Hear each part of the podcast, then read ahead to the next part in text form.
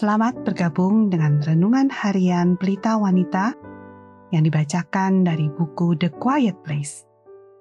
Pembacaan Alkitab hari ini diambil dari Ayub 23 ayat 8 sampai 12. Sesungguhnya kalau aku berjalan ke timur, ia tidak di sana, atau ke barat, tidak kudapati dia di utara ku cari dia, ia tidak tampak.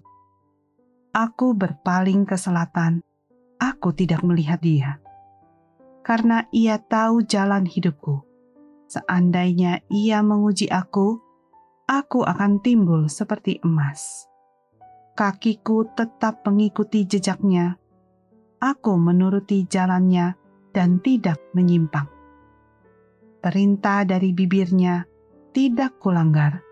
Dalam sanubariku, kusimpan ucapan mulutnya. Ayat kunci hari ini adalah dari Ayub 23 ayat 12. Dalam sanubariku, kusimpan ucapan mulutnya. Asupan yang konsisten. Kata prioritas dalam bentuk jamak yaitu prioritas, tidak ada sampai sekitar 100 tahun yang lalu. Sebelumnya prioritas hanyalah kata tunggal atau priority dari bahasa Latin prior yang berarti pertama. Hanya satu hal yang dapat menjadi yang terutama. Benarkah begitu? Tetapi tentu generasi kita yang tergesa-gesa ini mengubah kata prioritas dalam bentuk tunggal, priority, menjadi lusinan alternatif yang memperebutkan perhatian kita. Maka dari itu, untuk mencegah hidup kita menjadi terpecah belah dan terbagi-bagi perhatiannya, sangat penting bagi kita untuk meninjau kembali atau review prioritas-prioritas Allah bagi hidup kita prioritas pertama bagi setiap anak Tuhan, baik yang sudah menikah, lajang, muda, tua, laki-laki, perempuan, di setiap masa kehidupan kita adalah perjalanan kita dengan Allah. Semuanya akan mengalir dari situ. Saat hal tersebut sudah beres, prioritas kita yang lain akan menjadi jelas apabila kita terlalu sibuk untuk memelihara hubungan kita dengan Allah, maka kita terlalu sibuk. Jadi, jangan pernah mencoba menjalani satu hari pun tanpa menghabiskan waktu dengan membaca Alkitab, mendengar Dia berbicara, mengenali hatinya, dan membiarkan rohnya menerangi dan berfirman secara pribadi kepada Anda. Tidak ada pengecualian bagi siapa pun.